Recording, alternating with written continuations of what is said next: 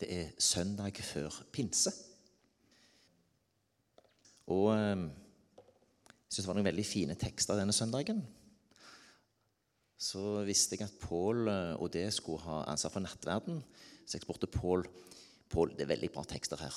Jeg er helt sikker på at du har mye bra å si om disse tekstene. Så jeg har utfordra Pål litt. Så, så, avhengig av hvor mye Pål har i hjertet, eh, så, så, så blir talen i dag det han blir. Så det, det, det ender litt åpent og fint. Men jeg skal lese søndagens preiketekst, som er fra Johannes 16, vers 12-15.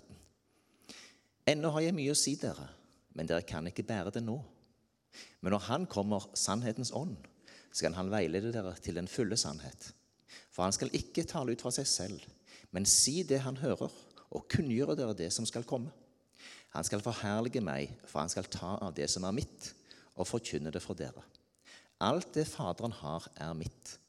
Derfor sa jeg at han skal ta av det som er mitt, og forkynne det for dere. Herre, takk for disse ord som eh, vi nå har lest sammen. Herre, jeg ber om at du åpner hjertene våre. Jeg ber om at eh, du gir eh, Pål og meg åpenbaring og de ord som du vil skal deles i dag. Vi legger gudstjenesten videre i din hånd. Amen.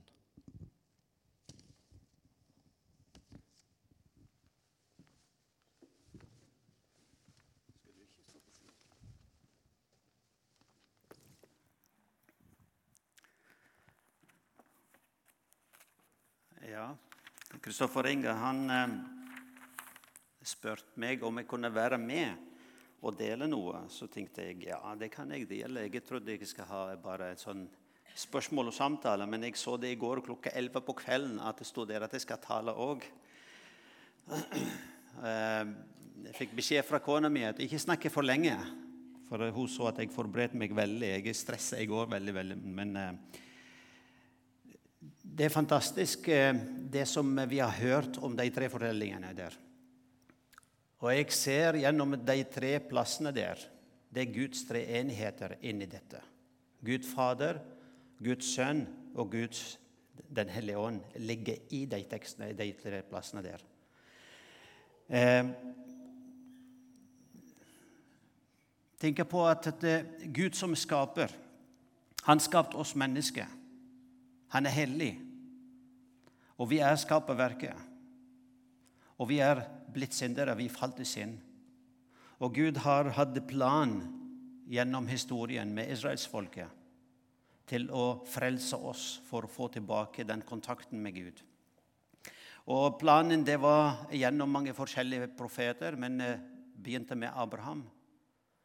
Og valgte et folk til å få tilbake den relasjonen mellom Gud, som er skaperen, og oss mennesker, som er skaperverket der. Men mennesket sviktet Gud gang på gang. Etterpå Gud er kjærlighet, og han sendte Jesus for å dø for våre synder. Han døde for våre synder, og før han døde, Jesus han var sammen med disiplene.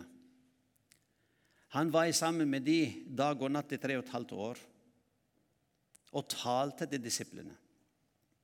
Han viste dem hva egentlig Guds vilje gjennom med å forklare, gjennom lignelser, gjennom ånder, gjennom, gjennom eh, mirakler. Han til og med vekket folk fra de døde. Men disiplene forsto ikke Guds plan gjennom dette. Nå snakker vi om Gud som er skaperen, og Jesus som er eh, eh Guds sønn, som er kommet til jorda men folk ser ikke det. Og i dag er det akkurat det samme.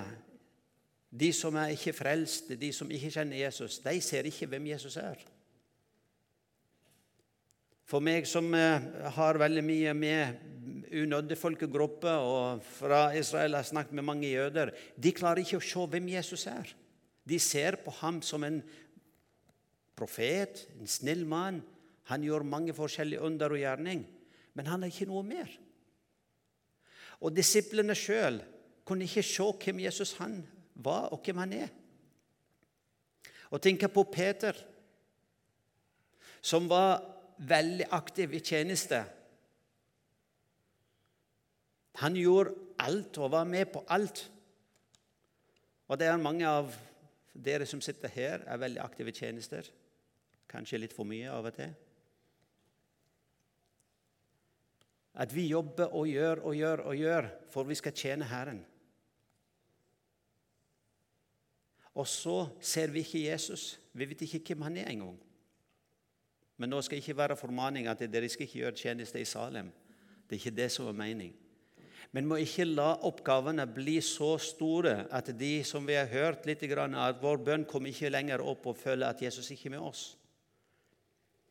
Mens eh, Peter, som han på en måte var med Jesus det siste sekund og vil forsvare Jesus Hva som skjedde med han? Jo, siste dagen han fornektet Jesus. Han kjente ikke Jesus igjen. Og han sa at 'jeg aner ikke hvem dere snakker om'. Han var redd. Han stakk av. Han prøvde å drepe en person. Han gjorde hva som helst bare for å komme seg vekk. Han har ikke sett hvem Jesus er. Hvorfor? For det som er viktigst, Den hellige ånd var ikke kommet ned til jorda ennå.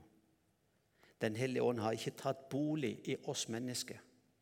I Gamle testamentet Guds ånd kom ned gjennom profetene og talte, og så for tilbake. Mennesker var ikke Guds tempel. Den hellige ånd bodde ikke i folket.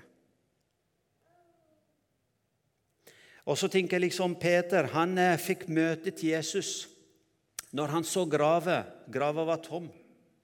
Og sto der. Da så de dette, og så trodde de og gikk tilbake. Men de trodde ikke Maria Magdalena. Jesus kom til de og åpenbarte seg for dem og viste dem. Han spiste og forklarte dem at han stod opp fra de døde. Men de trodde ikke det heller. Gikk tilbake til å være menneske, eller fisker tilbake, gikk tilbake til sitt yrke. Jesus sa til dem, 'Bli her', men de gikk tilbake til Galilea. Hva gjorde Jesus? Han kom til de der de var. Og hvis du er en av de personer som har ikke opptaket hvem Jesus er Det er håp for deg òg. Uansett om du har gått i Salem i mange år, men du kjenner Jesus bare her oppe, men ikke i hjertet. Det er Den hellige ånd som åpenbarer Jesus for deg. Og det som er skjedd fra Jesus sin oppstandelse til Kristi himmelfartsdag Nå har vi gått denne prosessen i 40 dager. Jesus kom og åpenbarte seg for deg gang på gang. Men de sviktet Jesus gang etter gang. De forsto ikke hvem han er. Og så kanskje vi sitter og tenker på ja, men, men de var så kanskje de var så dumme, de forsto ikke det. Men vi forstår det. Fra Kristi himmelfartsdag til pinse, det er ti dager. I den prosessen, i den tida som vi er i. Da holdt de seg sammen i Jerusalem og satt og ventet. Ventet på at Guds Hellige Ånd skal komme og ta bolig i dem. Og Det er det vi skal feire eh, neste søndagen, pinsedag. Og det er den største ting som har skjedd i historie til eh, liksom historie i kirkehistorie. Det er at Gud tok bolig i oss mennesker. Jeg tror ikke vi forstår hvor alvorlig det er. Hvis vi ser i Gamle testamentet det er at de har lagd tempelet der Oppestepresten fikk lov å gå én gang i året for å møte Gud der inne. Men nå, Guds ånd, Gud bor i deg og meg, vi som har tatt imot Han gjennom Den hellige ånd. Guds ånd bor i deg og meg. Og det er det som har skjedd i pinsedag. Når Den hellige ånd kom og tok bolig, da tok han kontroll over livet. Da tok han kontroll over forstanden, over følelser. Og da er han overbevist om hele sannheten. Det er det Den hellige ånd gjør. Det er det som har skjedd med Peter. Peter har ikke gått på det teologisk seminar sånn i full fart i løpet av de 40 dager eller 10 dager. Han fornektet Jesus, og han sviktet Jesus, men det var bare to uker etterpå. Så sto han der etter at han tok imot Den hellige ånd. Sto han der i Jerusalem og talte med frimodighet. Det var ikke han som talte, men det var Gud som talte via ham. Og det er det som talte til meg når jeg satt og, og leste den teksten der. Det er at vi må slutte å tenke liksom at vi skal klare det. La Den hellige ånd lede mitt og ditt liv. Vi skal planlegge, men vi skal ikke styre Guds ånd i vårt liv. Vi skal ikke si til Gud 'Her er min liste, bruk meg som jeg vil ha det'. Jeg taler til meg sjøl nå. Det er ikke min manuskrift. Nå har jeg gått over fra manuskriptene mine. Gi Gud et hvitt ark og så sier til han, 'Led meg som du vil'. Vi kan jobbe oss i hjel. Det har jeg opplevd nesten ikke Ja, jeg er i livet ennå. Vi kan jobbe oss, og vi kan møte vegg etter gang etter gang, akkurat som Elias. Han følte seg helt alene. Han kjempet for Gud, og til slutt han orket ikke å leve lenger. Men Gud kom til ham i stillhet.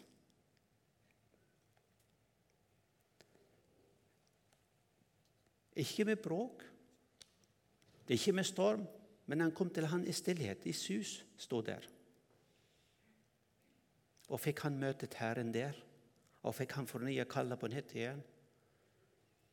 Og det som eh, vi skal feire pinsa snart og det som vi ser på, Paulus, eh, eh, på Peter og apostlene de holdt, de holdt med hverandre med Guds ord med apostellære, med brød, nattvær, vi skal ha nattvær snart, og med bønn.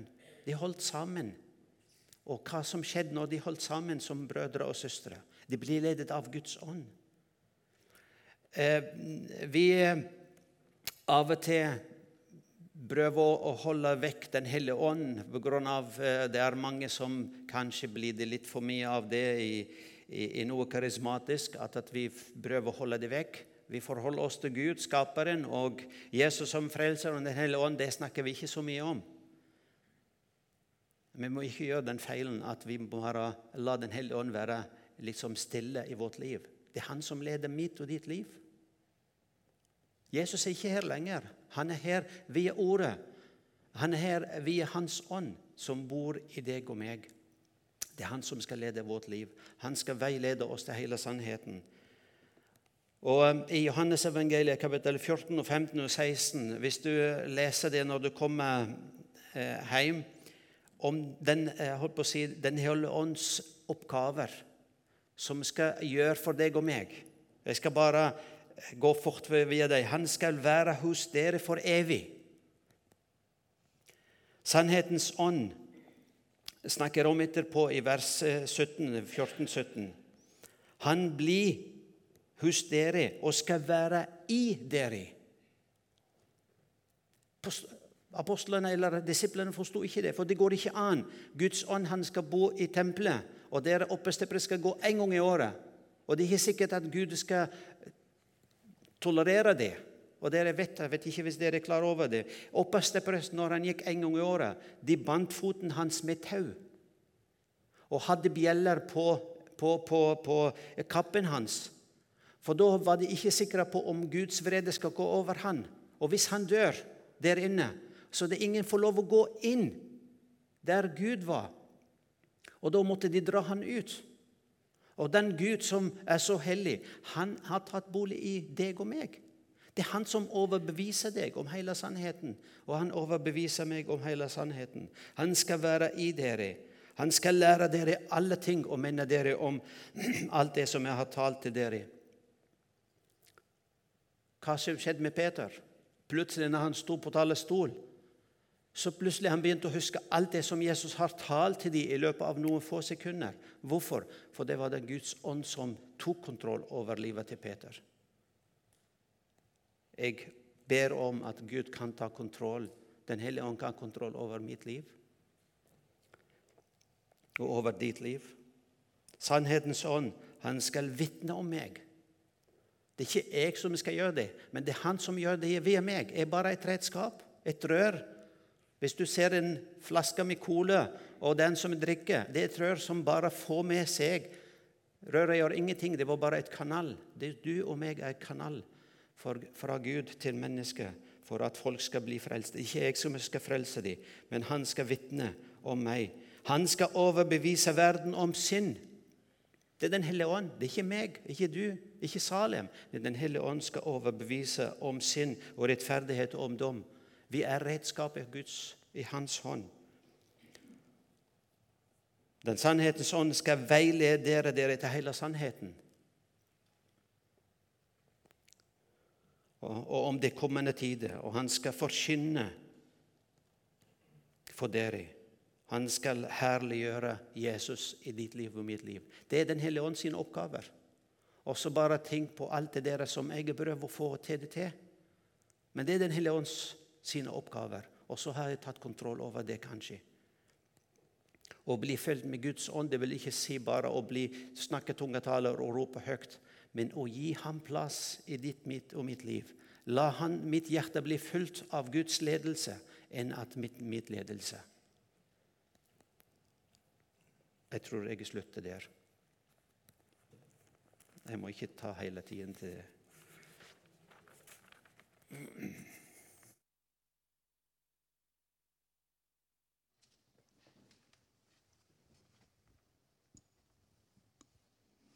Pål, du var så godt i gang. Det er ingen som ville du skulle slutte. Heller ikke jeg. Eh, takk skal du ha, Pål. Jeg visste at du hadde mye å si om disse tekstene.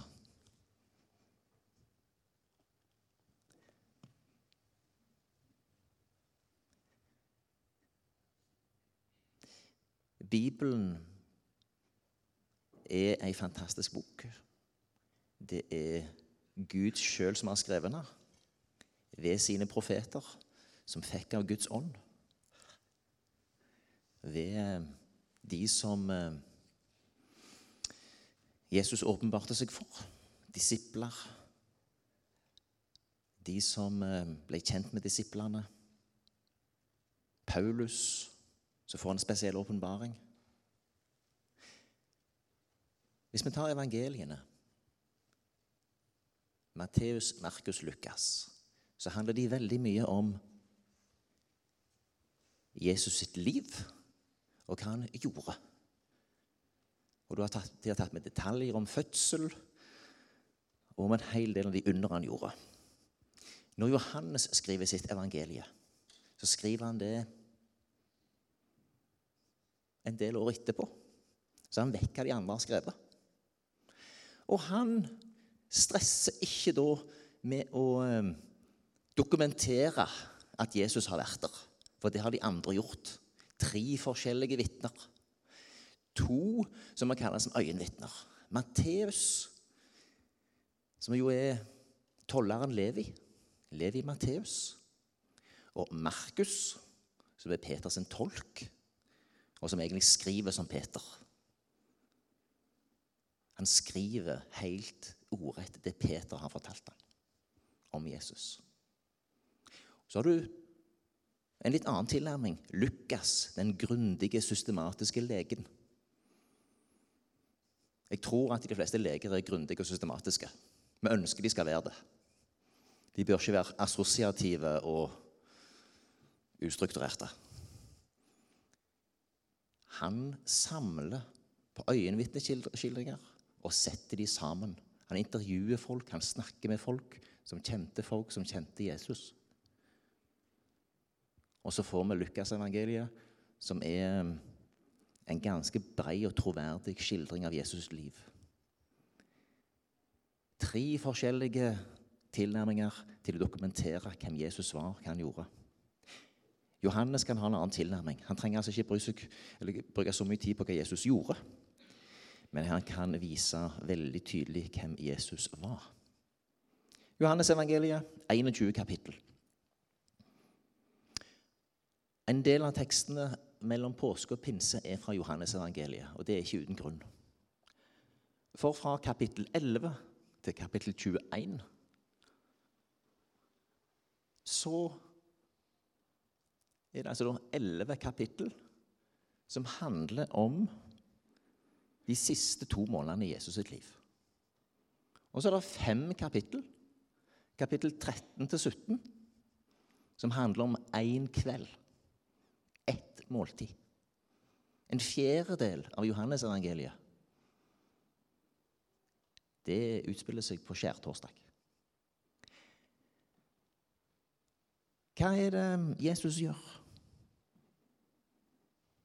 skjærtorsdag, som Johannes får så fint fram? Jesus vasker føttene til disiplene og viser dem et eksempel. Han viser det eksempelet som tjeneren. Og som jeg sa her òg for to uker siden Det eksempelet opplever jeg at mange her i Salem har tatt. Dere er lojale tjenere. Og det er det eksempelet han ga oss. Det er å tjene hverandre. Det er en veldig basic ting. Så det at vi har det med oss, er jeg veldig takknemlig for. Eh, takk igjen til dere som står i tjeneste på så ulikt vis. Så innstifter han nattverden. Så har han fellesskap, relasjon, måltid med dem. Og så er det tøffe tider foran, og det vet Jesus. Så han samtaler med dem. Det er en samtale som bølger fram og tilbake. Og så trøster han dem. Og trøsten er typisk knytta til det som Pål her har snakket om. Jeg lar dere ikke bli igjen som foreldreløse barn. Jeg kommer til dere. Vi skal ta bolig i dere. Faderen er i meg, jeg er i Faderen. Og vi kommer altså til dere. Det er så voldsomme ting at det ikke er der og da fullt du kan ta din over seg. Men når talsmannen kommer, så skal han veilede deg til den fulle sannhet. Og Dette er òg trøst i. Trøsten i det at du og meg ikke har sett alt ennå. Det er jo utrolig interessant. Selv etter pinsedag så er det jo åpenbart at Peter har jo ikke sett alt om hva eh, eh, Jesus har tenkt i forhold til hedningene. Det var jo sagt dette her med 'til alle folkeslag', og vi finner masse spor av det i Jesaja rundt forbi, at det er til alle. Men det var veldig skjult og lukka for dem at det var det. Det krevdes åpenbaring, det krevde syn, det krevde at Den hellige ånd åpenbarte ting for dem. Og dette tror jeg er veldig viktig. Og dette tror jeg vi òg skal ha med oss. Det er følgende Vi har heller ikke nødvendigvis sett alt av hva Gud har gjort for oss, hva han vil gjøre både i fellesskapet og i ditt liv. Og Dette er egentlig veldig løfterikt, og Pål har vært der. Det er jo dette. Vi skal på ene sida få hvile, og så skal vi kunne være nær kildene, i fellesskapet, i bønnen, i ordet. Og så skal vi ha tillit til at Herren åpenbarer seg. At Han viser seg for oss. At Han vil gi av sitt overflod, av sine gaver. For vi er altså ikke igjen her som foreldreløse barn. Den hellige ånd har kommet til oss. Den hellige ånd vil åpenbare seg for oss og veilede oss til hele sannheten. Og En del av det veiledelse, hele sannheten, det er at vi skal bli godt kjent med den sanne. Den sanne Gud. Og hvem er den sanne Gud? Det er den treenige Gud.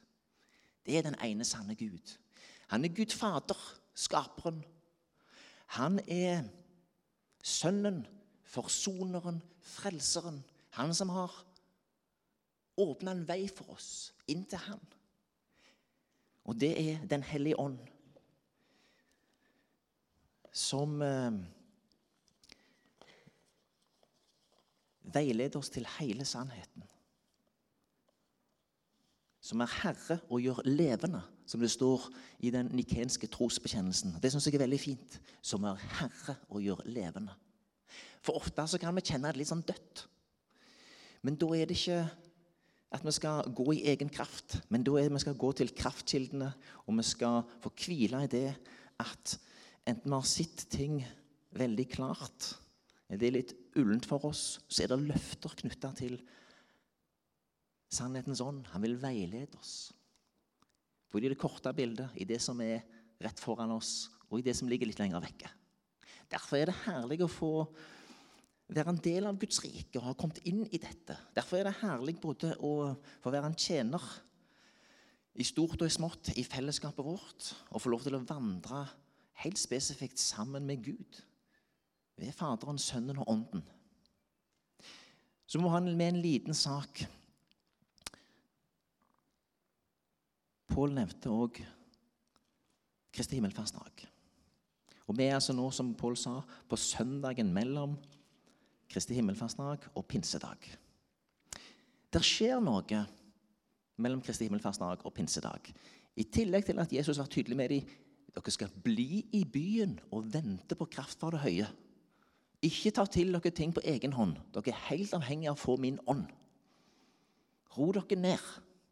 Har du ikke fått mye mål av åpenbaring, så ikke stress rundt. Ro dere ned og vent på kraft fra det høye. Veldig glad for at du eh, det så, så, så fint, Pål, for dette tror jeg er kjempeviktig. Og så skal de jo gjøre en ting til, og dette er fint, syns jeg, det som står i begynnelsen av Apostelens gjerninger i, i kapittel 1. De skal velge en disippel til, for Judas har gått til sitt sted. Men eh, Jesus valgte tolv, og de syns de må være tolv. Hva gjør de da? Jo,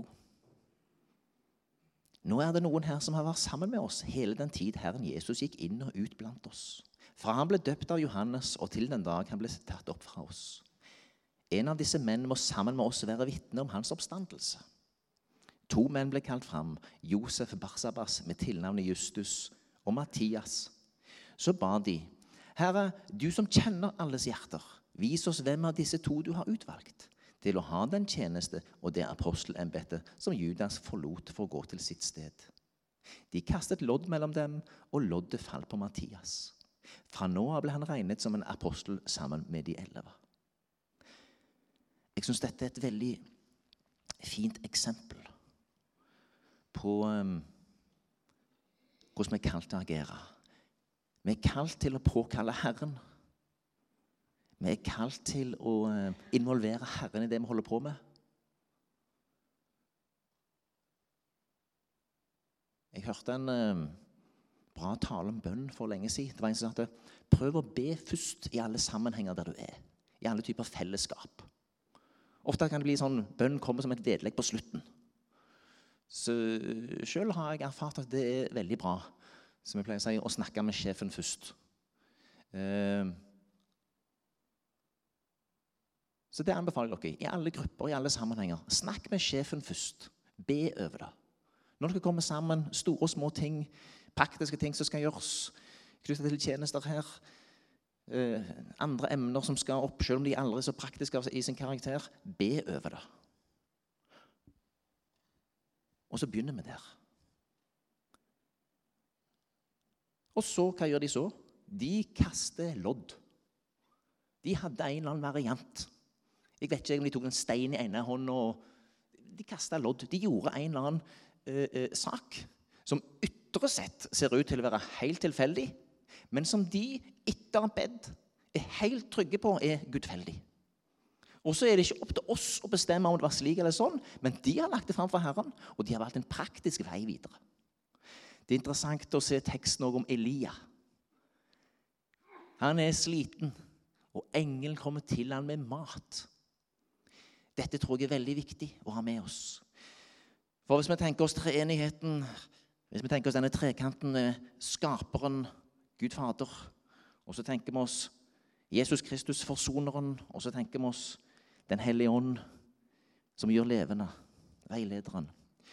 Så hvis vi begynner hos Kristus, vi er forsont med Han, så går det to stråler ut derifra. Det er på den ene sida den menneskelige, og det er den åndelige.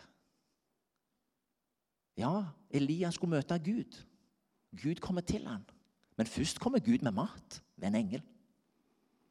Ja, apostlene skulle gjøre en viktig ting. De skulle velge en apostel til. Men etter de har bedt, så velger de en praktisk tilnærming. Da er det ikke en eller annen hyperåndelig manøver der de forventer å få manifestert Gud på en helt spesiell måte. Da velger de en praktisk vei. Og Dette tror jeg er viktig å ha med seg. Fordi jeg tror den sunne karismatikken eh, går fram på et spor der vi aksepterer både å være menneske og åndelige vesen. At vi tar med oss det menneskelige.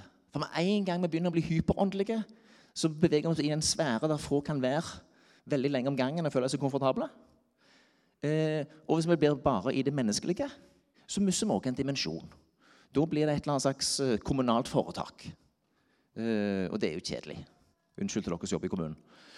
Eh, så det er å ha disse to dimensjonene med seg hele veien. Og her pendler vi, og her er vi. Vi er praktiske, fysiske mennesker på jorda, men vi er kalt til å